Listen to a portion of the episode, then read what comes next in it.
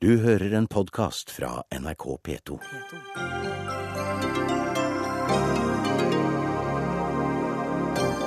Stengte skoler og forretninger og hundrevis av avlyste flyavganger er noen av følgene av dagens generalstreik i Europa.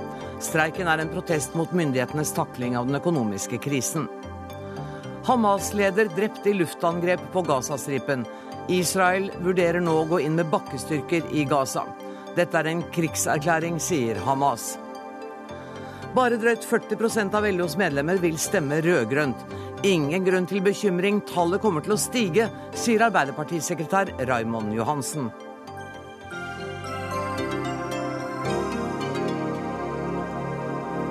Dette er noen av sakene i denne sendinga der vi også skal høre mer om CIA-sjefen som måtte trekke seg etter avsløringer om utroskap. Men aller først. I ettermiddag ble det kjent at Telenor får kjøpe mobillisenser i India for 4,2 milliarder kroner. Telenor fortsetter dermed å satse penger til tross for milliardtap og korrupsjonsskandaler. Hjertelig velkommen, konsernsjef i Telenor, Jon Fredrik Baksås. Jeg bør vel si gratulerer med dagen, da? Ja, Ikke bare til meg, men også til alle mine kollegaer som har jobbet steinhardt for å få dette til. Ja, Takk skal du ha. Det har vært turbulent i forkant av dette? Ja, så Vi har jo aldri opplevd at en høyesterett uh, har uh, knust lisenser på den måten som skjedde i februar. Uh, og hadde man på en måte tegnet noen trekk på hvordan dette skulle se ut i november, så er det ikke sikkert vi hadde klart å tegne det vi i dag har oppnådd. Men vi har oppnådd å få tilbake lisenser i seks sirkler tilsvarende 600 millioner mennesker. Og eh, til en prislapp på i overkant av 4 milliarder kroner. Mm. Eh, og en tredjedel av det skal betales såkalt med en gang. Men også trekkes opp mot det som da var eh, lisensbetaling i 2008. Så det umiddelbare kontantutlegget ved lisensen i første omgang er da altså relativt begrenset. Mm. Men, men dette er nye penger som dere må betale? Ja, det er nye penger for en lisens som da eh, varer i, eh, i eh, ganske mange år, for mm. å si det sånn. Og alternativet har vært kjempedårlig. En tredjedel av det skal altså tas nå, og to tredjedeler betales over ti år fra og med det tredje året. Og alternativet, hvis dere hadde måttet trekke dere ut av India og ikke fått det, så hadde tapet vært voldsomt? Ja, da hadde vi sittet med et uh, synlig tap uh, på i størrelsesorden 17-18 milliarder kroner. Men eh, det vi nå gjør, det er å gå videre på hva de investeringene har bygget opp i India, nemlig en kundebase i denne geografien på i overkant av 34 millioner kunder. Eh, og også eh, en geografi der vi har klart å skape marked for våre tjenester. Og Det er jo det viktigste, at vi har klart å, uh, klart å skape synlighet. Og også vil uh, trekke noen av lisensene i balans, balanse mellom driftsinntekter og driftskostnader allerede i år. Mm -hmm. Og da ville det vært kjedelig å ikke ha hatt lisenser til neste år. Ganske dumt. Uh, men målet vårt nå er jo å få balanse mellom driftsinntekter og driftskostnader allerede i 2013. Eh, og da, Det er vårt første mål. Er det realistisk, helt ærlig? Ja, men da må vi jo huske på at da surfer vi jo litt på det arbeidet som er gjort i de tre foregående årene. Så det er jo ingen tvil om at det hadde ikke vært mulig å gjort det på bare ett år hvis du hadde startet fra, fra på bar bakke. Du... Og Det som er viktig her, det er jo at vi kan si til våre samarbeidspartnere og til våre ansatte at ja, nå er det uh, helhjertet og sterk satsing på Eh, det lisensgrunnlaget som vi nå har. Og da må vi også klare den forretningsplanen som vi eh, har nå lagt til grunn for denne investeringen. Jeg skjønner det med at det er eh, relativt lite dere skal ut med i år, at planen er over ti år. Men hvor mye penger har dere reelt sett tapt i India? Ja, Det er jo mange måter å se det på. Men, ja, din måte men, godtar jeg. men la oss nå si, eh, hvis vi sammenligner litt med GSM-satsingen i Telenor eh, på 90-tallet, så var vi altså minus i hele syv år før vi begynte å tjene penger. Og Det viser jo at eh, eh, du må satse mye penger hvis du skal være i stand til å bygge opp en eh, posisjon som du kan tjene penger på i fremtiden. Mens hvis vi ikke hadde hatt lisenser, så kunne vi jo eh, på en måte erklært, eller nå måtte vi erklært at det som var investert, var borte. Mm. Nå slipper vi det. Det som er investert, ligger i en posisjon på uh, eh, 34 millioner kunder, uh, og den skal vi bygge videre på. Jeg gikk tilbake og så litt på nyhetsbildet da, i juli og august hvor det var spekulasjoner i hva minsteprisen på denne nye auksjonen uh, måtte bli ja. for at dere skulle gå inn. Og da var det en Carnegie-analytiker som sa at uh, Telenor har en smertegrense på om lag 3 milliarder. Ja. Har du måttet bryte smertegrensen her? Vi har ikke brutt vår egen smertegrense. Det kan jeg trygt si. Og slik som utropsprisen i denne auksjonen er lagt, så mm. ligger den høyt i forhold til mange andre markeder. Det viser jo da også at interessen for dette spektrumet har vært mer beskjedent enn det man kanskje kunne tro hvis man sammenligner med 3G-auksjonene som var i 2010. Men Er det et for godt det, eller dårlig tegn at interessen er lavere? Det er jo for så vidt et greit tegn for oss. Eh, men for eh, de som hadde forhåpninger om at, eh, at lisenssummen skulle ligge på nivå med 3G-lisensene i 2010, vil jo da si det motsatte. Mm.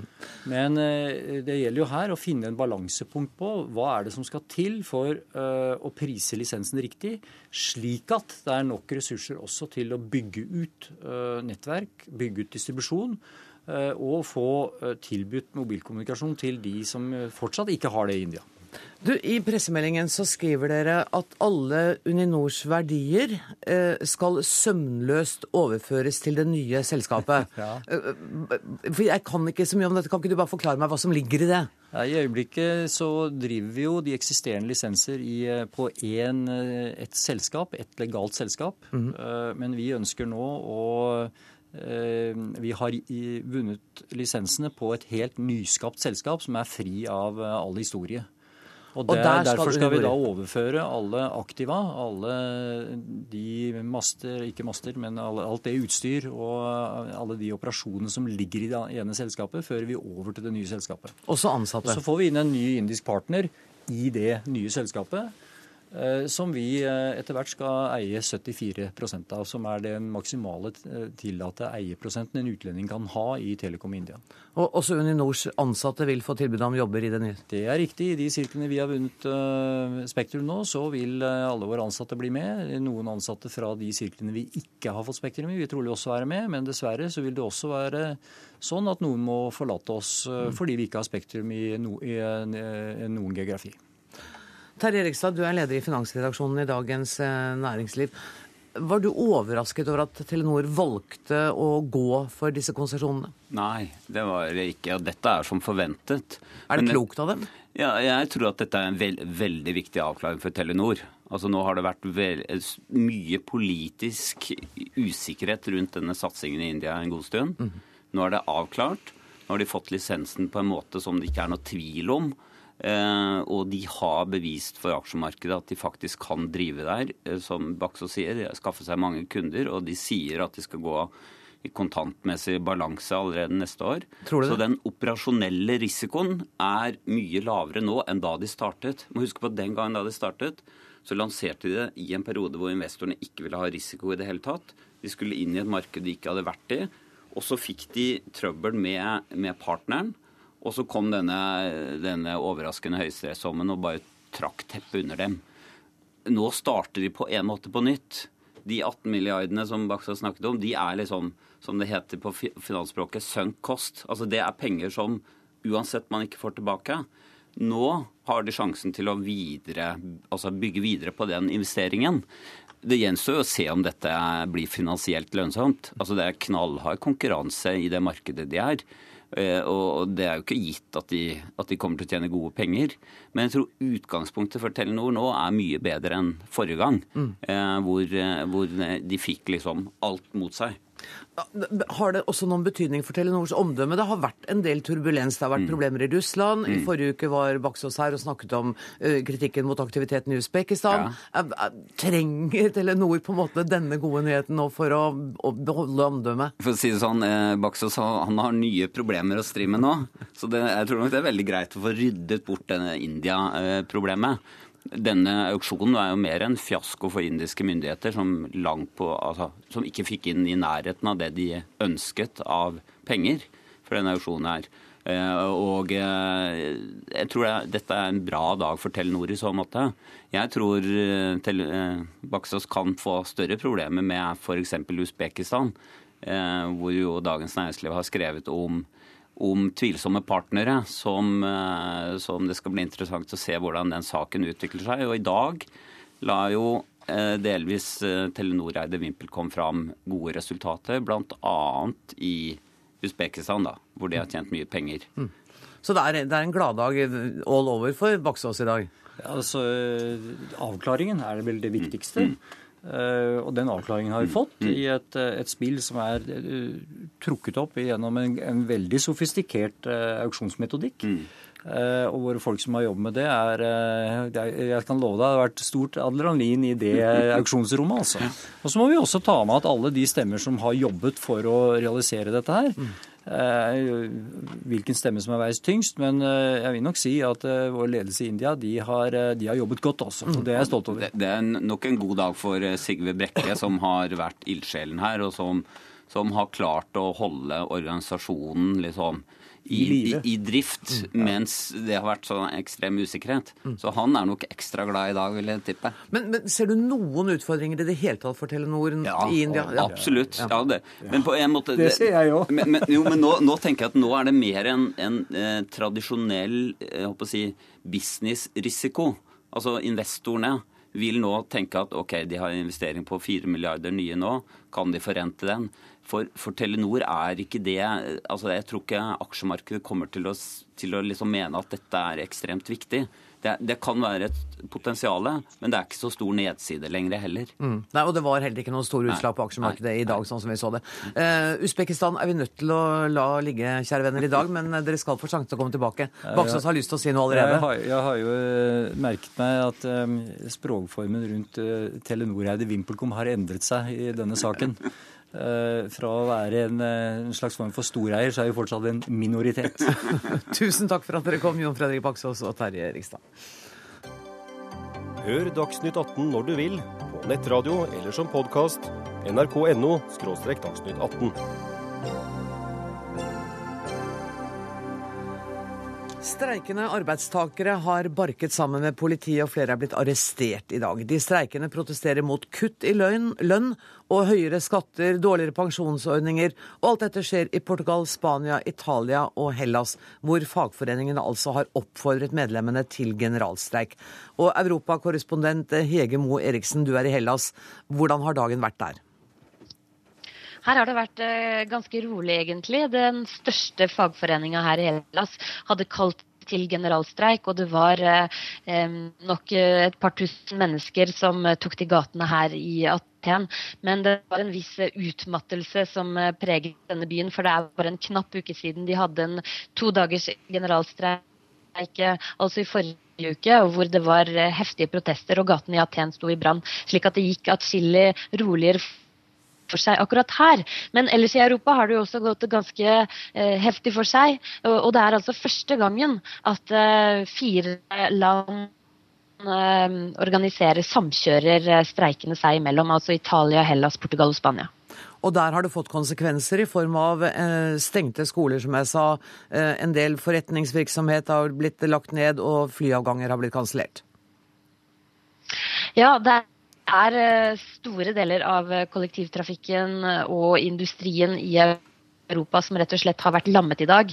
I tillegg til disse streikene så har det jo vært protester også i flere land, bl.a. Frankrike og en rekke østeuropeiske land. slik at eh, Den felleseuropeiske fagbevegelsen har oppsummert at i alt så har det vært 40 fagforeninger i aksjon i 23 land. Så protestene er enorme. og det er klart at Man ønsker med dette å gi en kraftig beskjed til myndighetene om at nok er nok. Kommer myndighetene til å høre?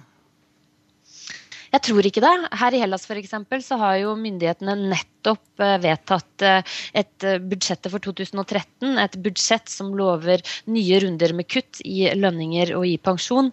Og jeg snakket med fagforeningene selv, som forteller at Eh, de føler seg veldig maktesløse. Fordi eh, de blir ikke lenger tatt med i forhandlinger.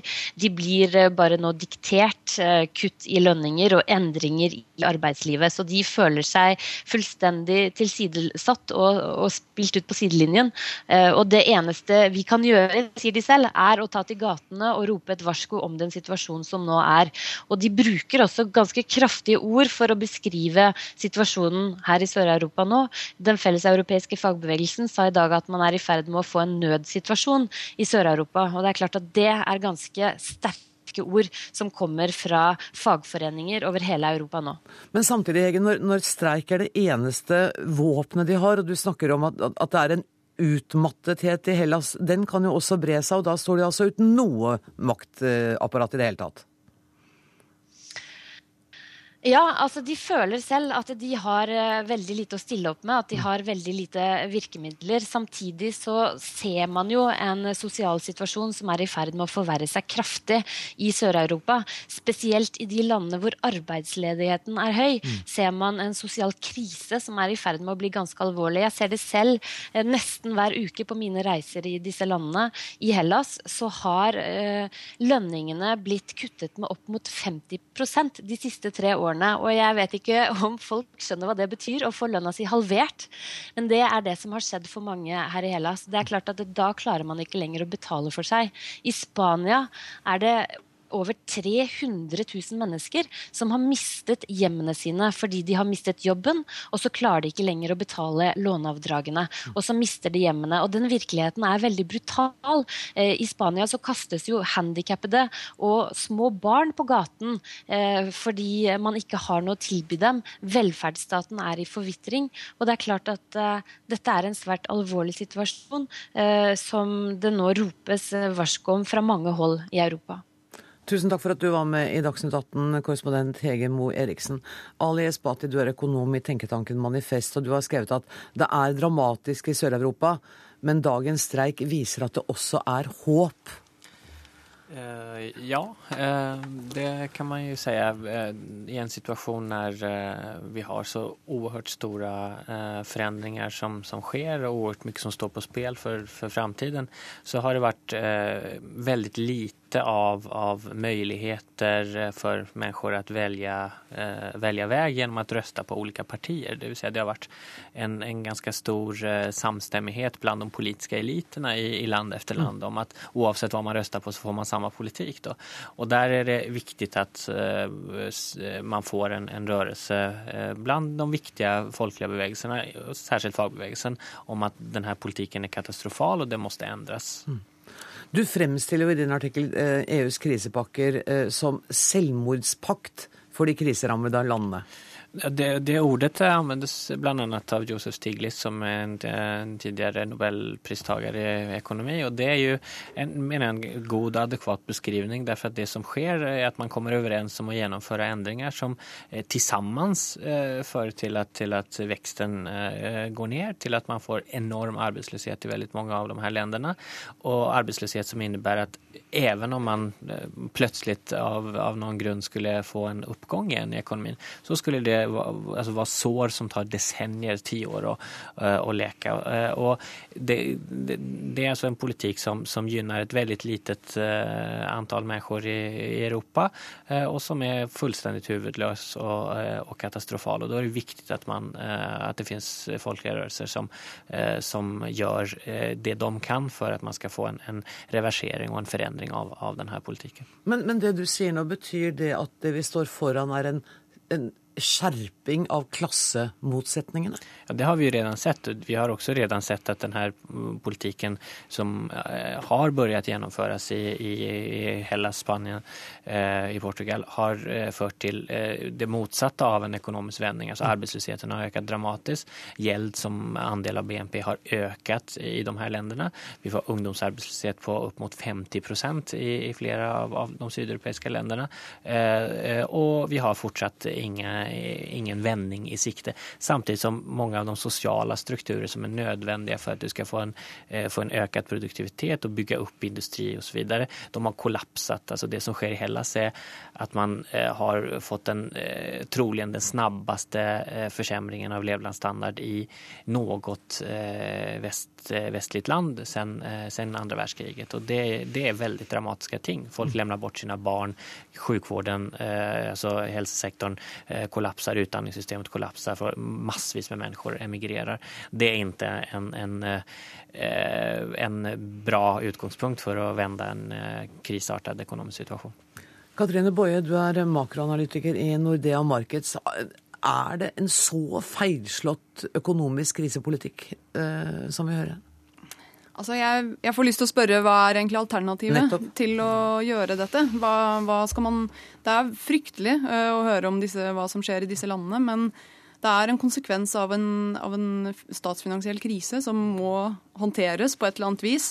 Uh, og selvfølgelig kan man stille spørsmål ved eh, F.eks. de kravene som stilles til Hellas fra EU-land og IMF i forhold til at de har fått kriselån, og på en måte tempoet i innstrammingene. Dette er veldig brutalt, det skal gjøres veldig raskt. Og, og man burde kanskje være åpen for å, for å, gi noe mer tid til å gjøre disse justeringene. Men jeg, jeg tror at man må gjennom noen tøffe, tøffe justeringer uansett. og og jeg kan ikke se noe alternativ til, eh, til, eh, den politikken. I hvert fall ikke for Hellas, men for enkelte andre. Det er forskjellige situasjoner i de ulike landene. Man kan ikke generalisere på, på, over hele Europa. Men, eh, men i Hellas så må, må, man gjennom en justering. Det er det er ingen tvil om. Men, men, hadde det gått an å tenke seg at den justeringen ble gjort mindre dramatisk? Du sa at man kunne tenkt seg et noe lengre tidsperspektiv. Men å redusere lønna med 50% med å ha et helsevesen som ikke fungerer, med å ha pensjonsordninger som er borte, med en høy arbeidsløshet Så det, det virker jo liksom kanskje unødvendig brutalt, da? Ja, men nå er de også i en Altså, er, hva er alternativet? De de, får, de har løst på en måte De får penger fra EU og IMF til å klare seg i den daglige på en måte, De mesteparten av offentlige utgifter kan fortsette å gå, men selvfølgelig noen steder må de spare inn.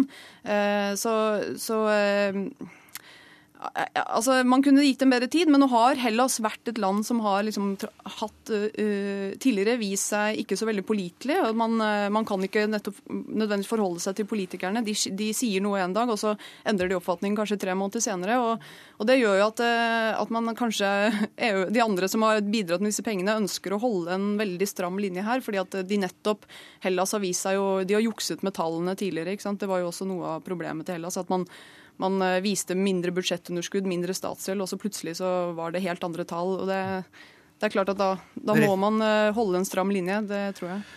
Ja, altså, men Poenget er jo at den politikken som förs, eh, det, inte, det handler ikke om den går tilstrekkelig fort eller, eller burde kunne gå litt langsommere, utan den fører jo til det motsatte av hva den selv sier at den vil oppnå. Altså, sier at man skal gjennomgå noen tøffe år, men de som får gjennomgå noen tøffe år er jo vanlige folk som har veldig lite skyld skuld i att eh, det har, det har blitt på det settet. Men Katrine Boje hadde lyst til å høre hva alternativet var. Ja, men alternativet er å gjøre egentlig det motsatte av nesten alt dette. Så alternativet att ha en eh, gemensam eh, altså en, en, politikk som, som ruster opp eh, både eh, offentlig sektor og eh, ser til å overføre ressurser til langsiktige investeringer. Hvordan skulle det gjøres rent praktisk? Ja, rent praktisk handler det om at vi vet at de her eh, gälden till både Hellas og andre land kommer ikke å betales. Og Da må man ha en ordnet eh, nedskrivning av de her, denne gjelden. Det kommer å skje oansett. Men poenget er hvem er det som da skal få betale, og på hvilket sett? Og det som skjer i dag, det er at vi får en deindustrialisering av Hellas. Og du sa att eh, Hellas eh, har, eh, det her er en statsfinansiell kris. Altså Poenget er at Spania eksempelvis, som gjennomgår samme type av, av fruktansvært jobbige nedskjæringer, De hadde jo en overskudd i budsjettet før, før denne krisen. De har fått men... den statsfinansielle krisen for ja. at de har tatt over gjelden fra de privata bankerna. Ja, det, er, det er en one size fits all-politikk som er one, uh, one, size fits none.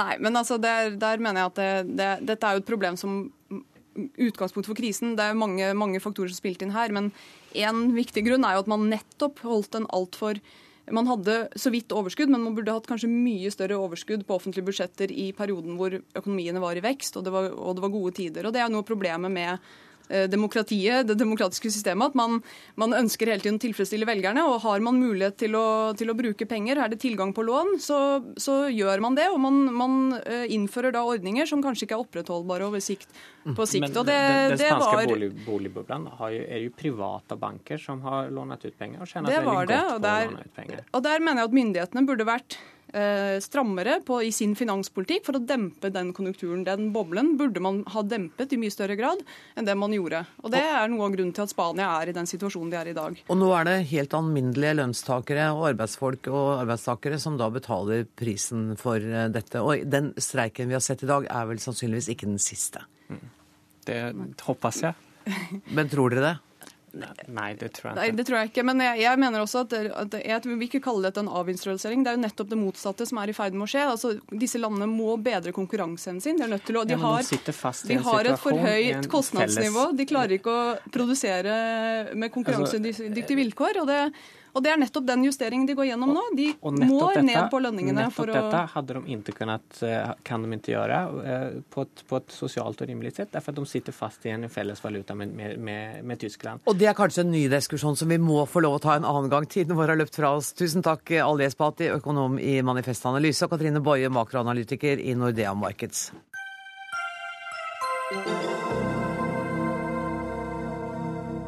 Og det skal fortsatt uh, dreie seg om Europa og krisen. For ifølge dagens kronikk i Aftenposten så byr arbeidsledigheten i sør på utfordringer også for asylpolitikken her til lands. Jan Paul Brekke, du er seniorforsker ved Institutt for samfunnsforskning. Og du har nylig vært i Italia sammen med en kollega og snakket med uh, asylsøkere og flyktninger fra Asia og Afrika. Og sånn som jeg skjønte den artikkelen, så er deres kunnskaper om situasjonen i Norge ganske god, og de vil gjerne komme hit. Hvorfor det? Altså, De opplever en tøff situasjon i Italia. Ehm, det vi eh, ble fortalt der nede, var at saksbehandlingen var eh, OK, det var ikke det som var det store problemet, men forholdene de blir tilbudt, særlig da etter de har fått opphold, er, eh, er veldig vanskelige. Det er veldig tøft, og de får lite tilbud. og Det gjør at de ser nordover. Ehm, Forholdene er ekstra tøffe når den økonomiske krisen har slått til så hardt som den har nå. For systemet i Italia er basert på at folk finner seg arbeid når de er ferdig med eh, saksbehandlingen og har fått et vedtak. Og det er jo spesielt vanskelig for, eh, for flyktninger og asylsøkere eh, i den situasjonen som er i Italia i dag. Det er vanskelig for alle, men de har det spesielt vanskelig, som er uten nettverk og uten eh, den språkkunnskapen som skal til osv. Og nå snakker vi om mennesker som da altså har fått asylsøknaden sin behandlet og har lovlig opphold i Italia. Kan, kan ikke du beskrive litt hva slags forhold de lever under? Ja, altså Tanken her nede er at man skal få en, saken sin behandlet i løpet av et par måneder. Ofte tar det lengre tid. Og så etter det så er det bare de aller mest sårbare som får et tilbud fra staten og fra lokale myndigheter.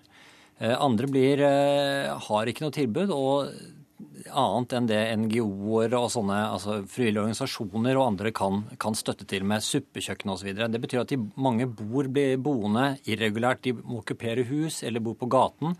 Eller bor eh, i parker eller under åpen himmel. Så det er, eh, veldig, tøff, altså det er veldig tøffe forhold. Og, og, det er fra dag til dag. sånn at det gjør jo at eh, det er på en måte en uholdbar situasjon for disse menneskene. Og, og, velferdsstaten her nede er, er syltynn og har mm. lite å tilby hvis man ikke har hatt arbeid tidligere eller er i en, en ordinær situasjon. Da. Men da, da, er det jo ikke rart at de har lyst til å reise derfra og til Norden. Det, det er jo ikke noe overraskende. Eh, burde vi i større grad vise en raushet og la dem bli i Norge? Ja, altså Til Norge så kommer det jo eh, noen som er, har sine saker til behandling. Og så kommer det noen som har fått sine saker behandlet. Mm. Og under den eh, såkalte Dublin-ordningen så skal eh, det første landet de kommer til, behandle saken. Så Norge er jo da på en måte forpliktet gjennom den avtalen til å sende dem tilbake og ikke se på sakene.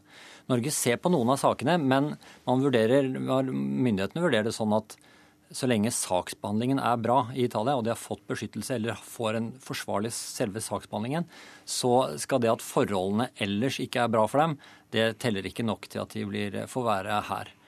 Um, og, og, da blir det en vurdering uh, og Dette er jo opp mot det, det, saken i Hellas. Nå har Hellas vært diskutert her tidligere, hvor forholdene også er veldig vanskelige. Og hvor det er spesielt vanskelig for migranter og flyktninger.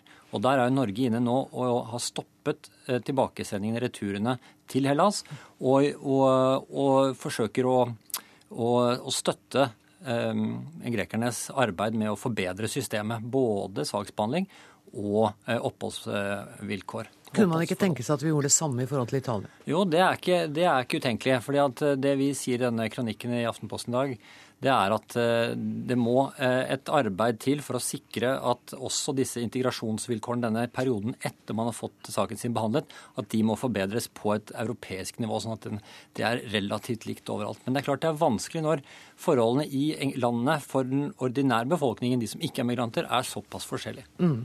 Og, og, når de også har det så vanskelig, så er, så er, det jo liksom vanskelig å tenke seg at de skulle ha stor medlidenhet med eh, et stort antall asylsøkere. Ja, ja, ja. Eller, eller, henger ikke det på grep? Jo, det er, det er, en, det er en, grense. Det er, det er et sånt prinsipp som heter at, skal, at, det skal være, at forholdene som tilbys migranter og asylsøkere skal være tilsvarende det som eh, befolkningen for øvrig har. Eh, og det, jo, det varierer jo fra land til land, særlig når det er denne krisen som eh, pågår nå, mm. hvilket nivå den ordinære befolkningen ligger på. Og det er klart at Da blir Skandinavia et nesten utopisk mål og et ønskemål for mange av dem? Ja, samtidig vet de jeg må bare si det, at de vet jo om Dublin-reguleringen. Så de, dette er jo de er klar over det, men noen ender med å få bli, og det gjør at, at det virker Eh, fristende å, å, dra nordover. Hvor mange tusen, kan, Har du noe anslag på hvor mange tusen asylsøkere som har fått sakene sine behandlet i Italia? Ja, altså det kommer rundt en Det, kom, det varierer mange. Det kommer mellom 10 og 15 20 000 til, eh, til Italia. Men mange, men mange, blir jo, og Italia, Italia, blir mer og mer et destinasjonsland også. sånn at når økonomien kommer tilbake der, så er det mange som ønsker seg Eh, Italia istedenfor Norge. Men det er klart det. Men, men denne, denne, første asyllandsregelen, den må jo da også oppleves som en belastning for Italias myndigheter? Ja, altså Dette er jo Norges eh, sydlige grense, på en måte, går i Middelhavet. Og det er Hellas og Italia som er bufferlandene der. Og jeg, jeg, tenker at når vi sitter her i dette studioet og snakker om eh, Norge skal gå inn i Italia også, og allerede er med og hjelper til i, i Hellas, så er det bare et tegn på at dette er et europeisk anliggende. og Norge absolutt sitter midt i den europeiske debatten og forsøker på å samordne politikken på dette området i Europa. Andreas Furuseth, du er juridisk rådgiver i NOAS, Norsk organisasjon for asylsøkere. Hva synes dere om den norske asylpolitikken i forhold til dem som har asyl i Italia, men som likevel kommer hit for å bedre sine egne kår?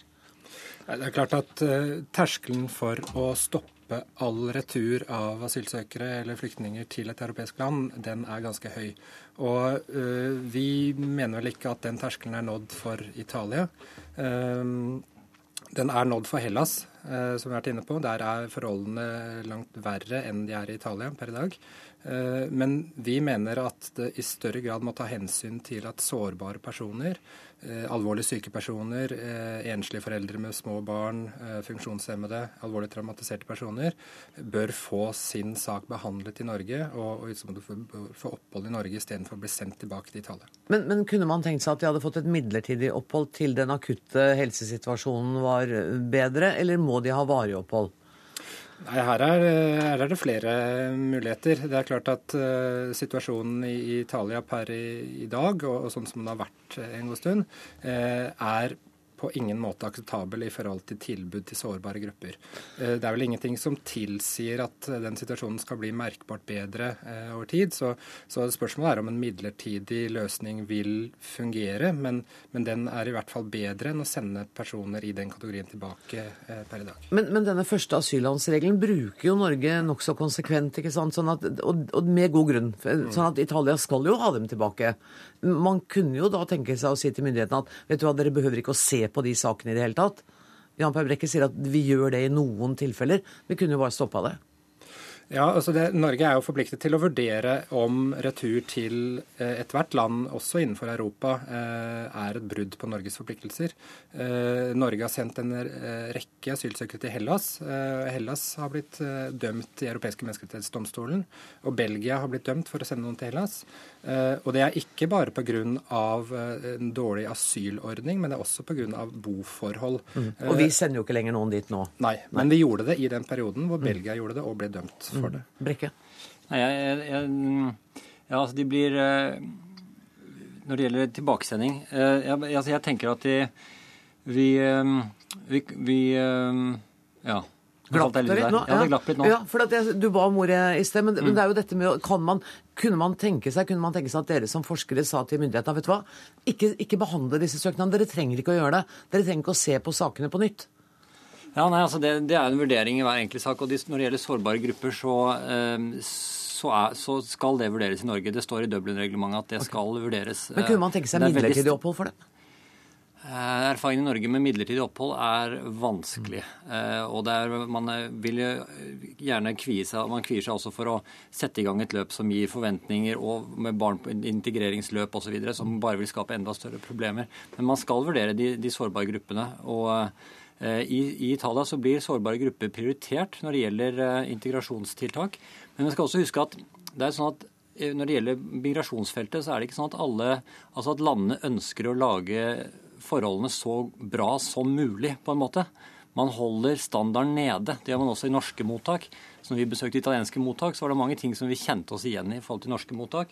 Og enkeltlandet tenker at man ønsker ikke å tiltrekke seg si, unaturlig mange eller liksom stikke hodet frem, sånn at man blir synlige som destinasjon for, for asylsøkere. Eh, på, det kan man diskutere om det er bra eller dårlig, men i hvert fall er det en sånn mekanisme som vi forskere ser. Så det gjør også at eh, selv om man sier at Italia burde bedre forholdene, og at det er mye kritikkverdig, så sitter nok en motstand også hos italienske myndigheter for å liksom eh, gjøre det eh, forholdene vesentlig bedre. Mm. Og imens så kommer det stadig flere asylsøkere til Italia. Det kommer ikke til å ta slutt denne uka i hvert fall. Tusen takk til Jan Paul Brekke og Andreas Furuseth.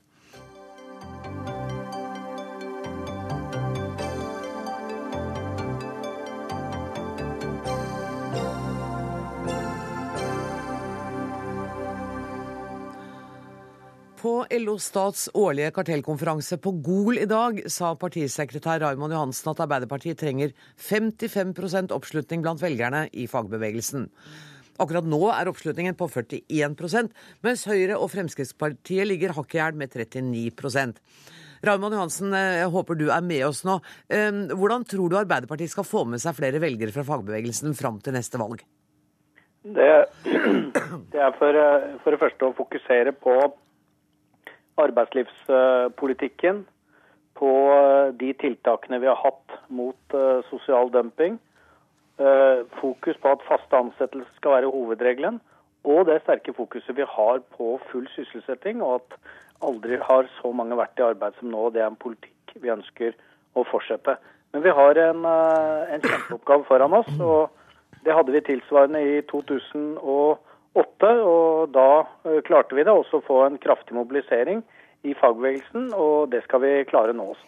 Du ser at dere trenger 55% Det minner veldig om en partikamerat av deg som en gang eh, snakket om 36,9. ja, altså først her så er jo LO er jo nesten 900 000 medlemmer, og det er klart at uh, den oppslutningen vi har nå, reflekterer vel uh, en del av de andre uh, målingene. Mitt poeng er at nå gjelder det å fokusere på vår politikk. Det gjelder å fokusere på det som skiller oss fra uh, Høyre og Fremskrittspartiet, og få opp en aktivitet i, i fagbevegelsen. Og Det ser jeg er en, uh, en, viktig oppgave, og den uh, tar vi på det aller største alvor. Men jeg har stor tro på at dette kommer til å gå. I valget i 2009 så tok vi 5% bare den siste uka blant de LO-organiserte. Så her gjelder det å stå på helt inn. Hva er vinnersaken din? Vinnersaken er å mm. fortsette med full sysselsetting. Det andre er arbeidslivspolitikken, den kampen vi har mot sosial dumping. Det er veldig mye som gjenstår. Jeg reiser sjøl rundt på mange arbeidsplasser, ser de store utfordringene som finnes der.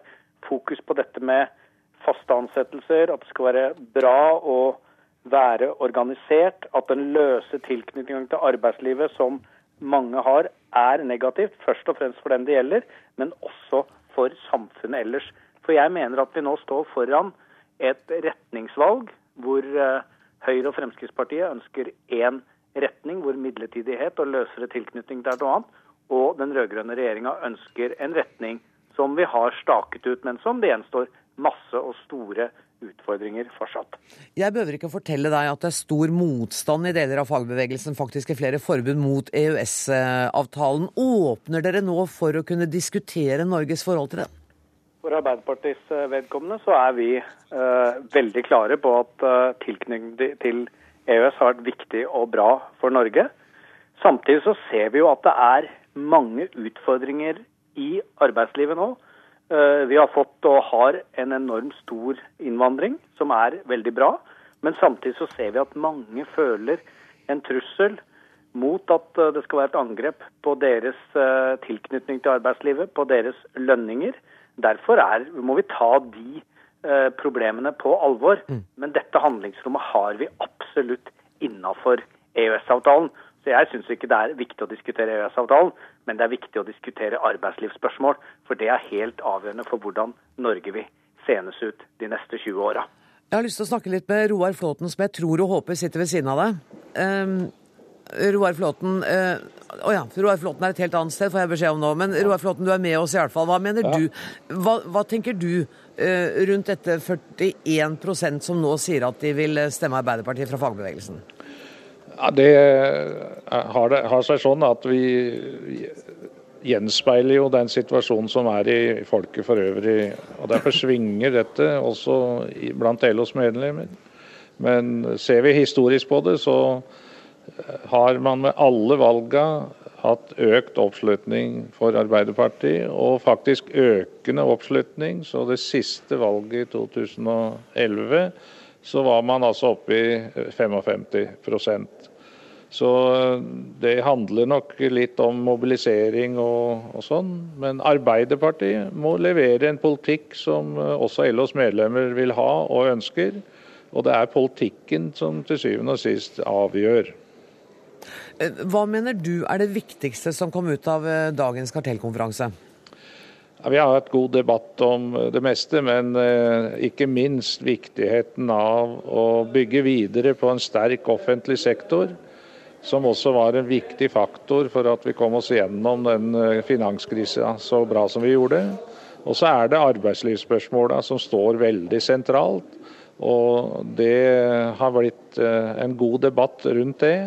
Og det er nok sånn her at eh, man frykter at eh, de borgerlige vil eh, falle tilbake igjen på den politikken som de førte og ville føre i 2005, som folk ikke ville ha.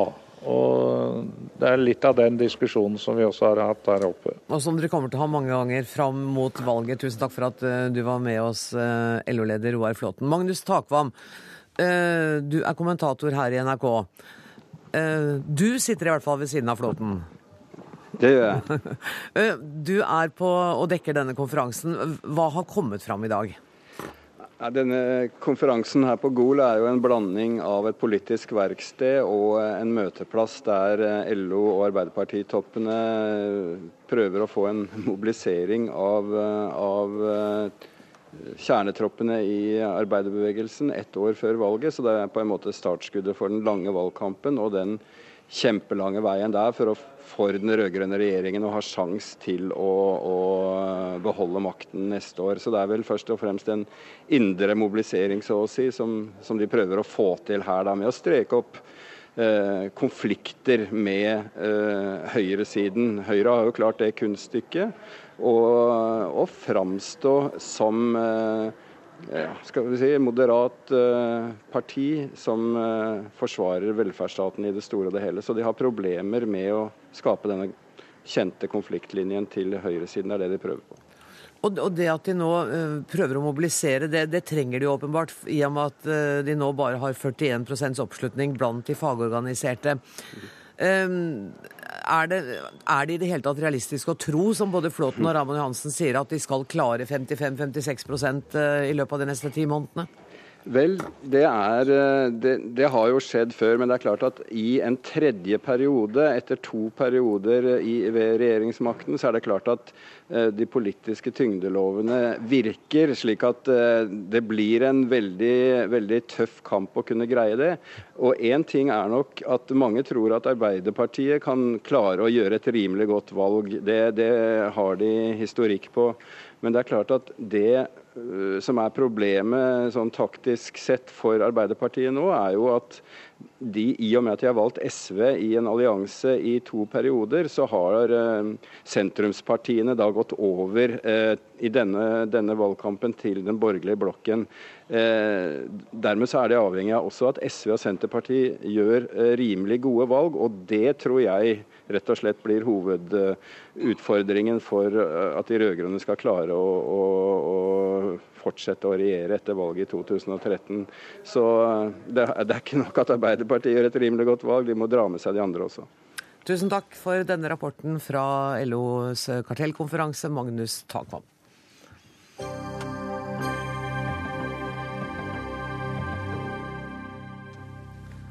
Ahmed al-Jabari, lederen for den militære delen av Hamas, ble i dag drept i et luftangrep på Gazastripen. Det opplyser Hamas. Egypt fordømmer angrepet. Are Hovnak, du er seniorrådgiver for Landinfo. Det er utlendingsforvaltningens fagenhet for landinformasjon. Eh, hva kan du si om det som har skjedd i dag? Eh, det er dramatisk at eh, den militære lederen for Hamas er, er drept i Gaza. Etter den type likvidasjoner som det har vært mange av fra Israels side de siste årene, så har Hamas pleid å svare militært. Dvs. Si med mm, aksjoner mot israelske soldater eller raketter mot, eh, mot Israel. Um, forspillet til denne opptrappingen var at en militæraksjon um, en, mot en israelsk jeep på lørdag, der fire israelske soldater ble skadet, Eh, det var en, ikke Hamas som tok på seg ansvaret for aksjonen. Det var den palestinske front, folkefronten for Palestinas frigjøring. Eh, tidligere har Hamas gjerne begrenset eh, andre radikale gruppers angrep mot Israel fordi de ønsker å holde ro og holde mm. kontroll i Gaza. Men nå de siste dagene så har Hamas også deltatt og til dels tatt ansvar for en del av angrepene og rakettene mot Israel. Samarbeider Hamas med den palestinske folkefronten? Eh, dette er to rivaliserende grupper, eh, og PFLP og en, etter hvert en del radikale eh, islamistiske grupper har vært under press fra Hamas om å ikke provosere Israel de siste fem årene, mens Hamas har hatt makten i, i Gaza. Men til tider så har det vært, virker som en slags koordinering i forhold til offensiver mot Israel, særlig etter israelske angrep så har Hamas eh, latt disse andre gruppene eh, drive sine aksjoner, og til dels eh, deltatt selv også. Men denne gangen var altså Israels angrep et svar på et angrep fra den palestinske folkefronten? Ja, og så kom det da en israelsk aksjon rett etterpå som, som drepte seks palestinere. Og det var det som da utløste, utløste denne voldsomme palestinske reaksjonen med over 100 raketter de siste etter lørdag. Um, spørsmålet er jo hva Hamas vil gjøre videre, mm. og hvor svekket de eventuelt er ved at den militære lederen er, er ute. Um, det, er, det, har vært talsmenn fra Hamas nå i dag som har sagt at uh, nå er helvete løs, uh, og de signaliserer at dette skal hevnes. De sier at det er krig, det er en krigserklæring fra ja. Israel. Ja. Men samtidig så er det mye som tyder på at Hamas ikke ønsker en full konfrontasjon med Israel nå. Eh, Hamas har et politisk prosjekt i Gaza. Eh, de ønsker å vise at de kan styre dette området. Og de har tydelig økt selvtillit eh, etter at muslimske brorskapet har fått kontroll i Egypt, der de har gode relasjoner til islamiststyret der. Så Hamas er neppe interessert i en, en større militær aksjon fra Israel, som dette kan være starten på. Hamas er fullstendig klar over at Israel kan gjenta det de gjorde i 2008-2009, mm. Gaza-krigen. En tre ukers eh, offensiv med bakke- og luftstyrker, som over en treukersperiode drepte 1300 palestinere. Ehm, hvis målet utvides til å, til å, mm, fjerne Hamas fra makten, så vil det være klart kritisk for, for Hamas. Samtidig så er det et, en, kanskje den mest spente eh, situasjonen langs Israels grenser eh, på flere tiår. Eh, I helgen så var det også både søndag og mandag flere trefninger på Golanhøydene, altså mellom Israel og, og Syria. Der Israel for første gang svarte over Golangrensen og skjøt mot, eh, mot syriske mål. For, for, første gang siden oktoberkrigen i 1973. Så mm, her er det veldig sterke spenninger på flere fronter. Og så har Netanyahu utlyst nyvalg i januar. Og han har tidligere blitt kritisert for å ikke svare Eh, kraftig nok på palestinske angrep. Så dette kan være en del av den israelske valgkampen som også er i gang. Ja, for det, Rett før jeg gikk i studio så så jeg et hastetelegram eh, om at eh, Israel har sagt at de nå vil vurdere å gå inn i Gaza med bakkestyrker. Ja, det har vært eh, talsmenn for eh, israelske hæren som har sagt at dette er starten på en militæraksjon. Eh, og det er åpent hvorvidt dette er snakk om bakkestyrker, eller som IDF, altså hæren, har signalisert at det er i hvert fall snakk om flere likvideringer. Både fra Hamas og fra Islamic Jihad, som er også en annen gruppering som har vært svært aktiv de siste ukene når det gjelder raketter. Jeg forstår at du vurderer situasjonen som svært alvorlig nå, men står vi rett og slett foran nye krigshandlinger, sånn som du ser det nå? Eh, Hamas er i kontakt med Egypt. Eh, også De siste dagene så har det vært meglingsforsøk med Egypt. Eh, og selv om det er en, eh, en opphetet retorikk nå, så har Hamas eh, via Egypt signalisert at de ikke ønsker en eskalering. Eh, det var en våpenhvile det siste døgnet før, eh, før dette angrepet. Så retorikken vil nok være hard fra Hamas sin side, men de ønsker ikke en full eskalering. Mm -hmm. Og da spørs det hva som ligger i denne israelske planen, hvorvidt de, de, faktisk har satt i gang en større operasjon, som da nok Hamas må svare på. I tillegg til denne likvideringen så har det vært israelsk bombing av mål mange steder i Gaza nå. har Jeg snakket med, med noen i Gaza for en times tid siden, og de er jo svært redde for hva som kommer til å skje nå. De husker jo denne krigen for, eh, for fire år siden. Um, Hamas er blitt mer militært sofistikert de siste årene. De har lært fra Hezbollah i, i Libanon. Mm. Uh, de har ikke bare utskjetningsramper um, på bakken, men de har også gravd ned rakettbatterier, så det er vanskelig å få øye på. Uh, og Israel har sagt at de har tatt ut en del av disse uh, nedgravde utskytingsrampene. Tusen takk for at du kom til Dagsnytt 18, Are Hovdenak, seniorrådgiver for Landinfo.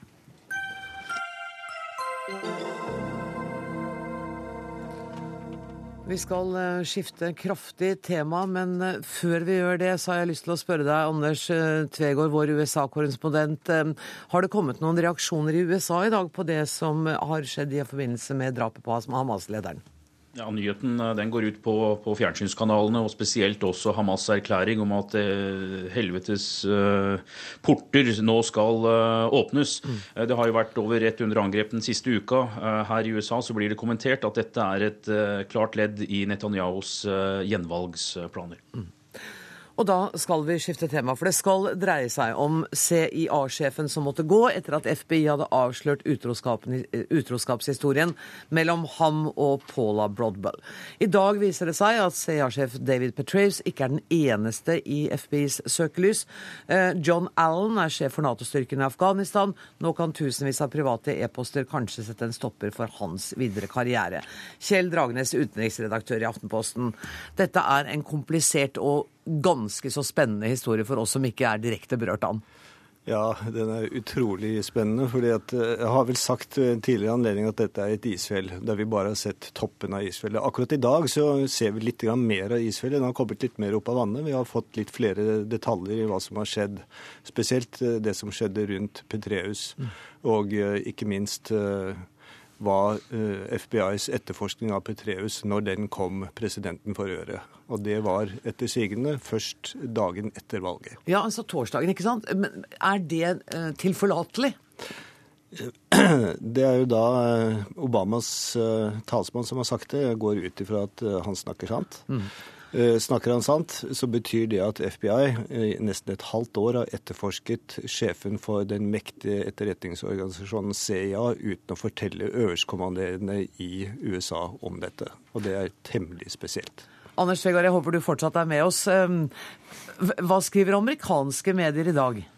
Dette er som et eh, timeglass der stadig nye sandkorn slipper gjennom. Et realityshow og intriger ikke engang Shakespeare kunne ha dramatisert bedre. Spørsmålet alle vil ha svar på her, er om nasjonens sikkerhet er satt i fare ved generaltabbene. Så langt så legges det vekt på at det er interne granskninger, og at det foreløpig ikke er straffeforfølging av noen av de involverte. Forsvaret er høyt ansett og respektert her i USA, men med to episoder hittil så kan det bli en debatt om kulturen der. Og ikke minst hvorfor Petreus uh, lagret mye av militærhistorikken sin, dokumentene hos sin elskerinne, bruker henne som en bibliotekar. Det som også kommer fram her i dag, er at Petreus innkalles til Kongressen og skal i en lukket høre høring eh, torsdag, altså i morgen, i komiteen som eh, overser etterretning. Republikanerne er rasende over terrorangrepet i Benghazi 11.9. De vil ha en uavhengig granskning av Benghazi-angrepet, og starter så smått i morgen. Mm. Og I dag skal president Obama om en drøy halvtime holde en pressekonferanse. Den første siden sommerferien. Det er vel ikke så vanskelig å gjette hva den kommer til å handle om? Nei, altså, Dette er hans 16. pressekonferanse siden han tok plass i Det hvite hus i 2009. Så det er en sjelden mulighet for eh, politiske journalister til å stille presidenten spørsmål. Her blir det spørsmål naturlig nok om hva han tenker om generalene sine.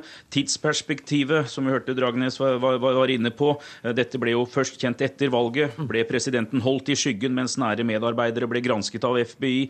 Men også større spørsmål om, om hvordan Obama vil styre med en kongress som på papiret er like fastlåst som de siste par åra.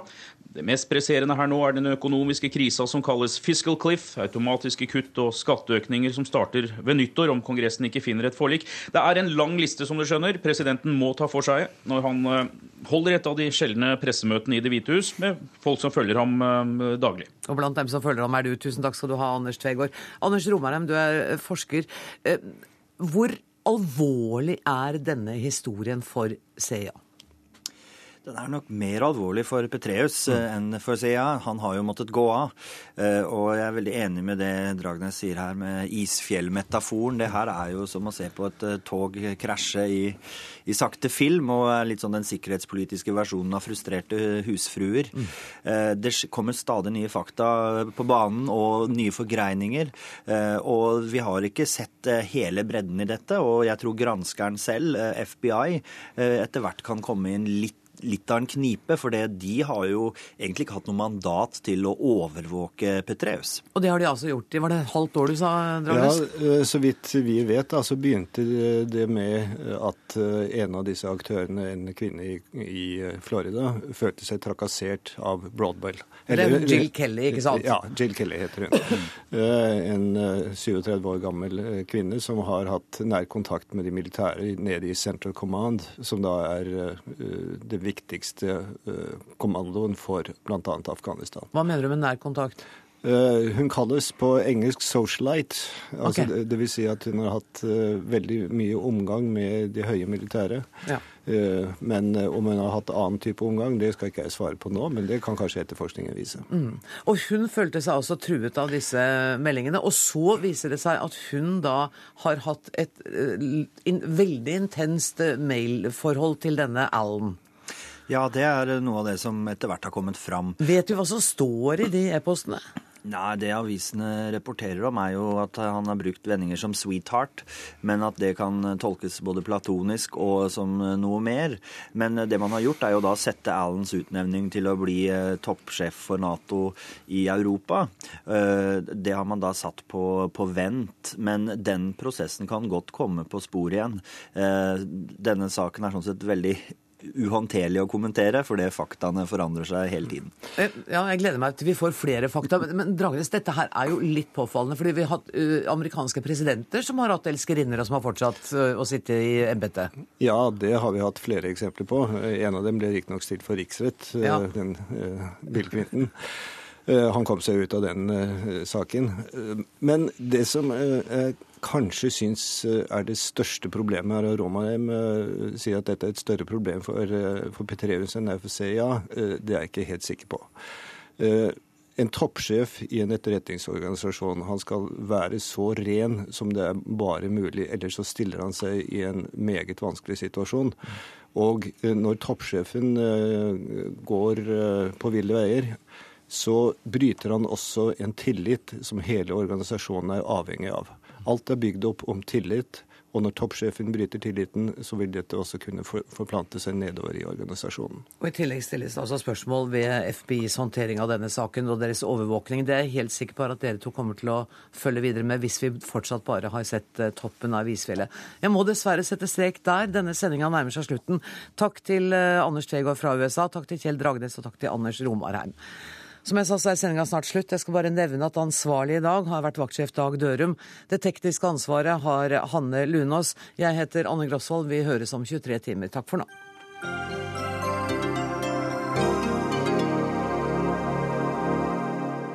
Du har hørt en podkast fra NRK P2.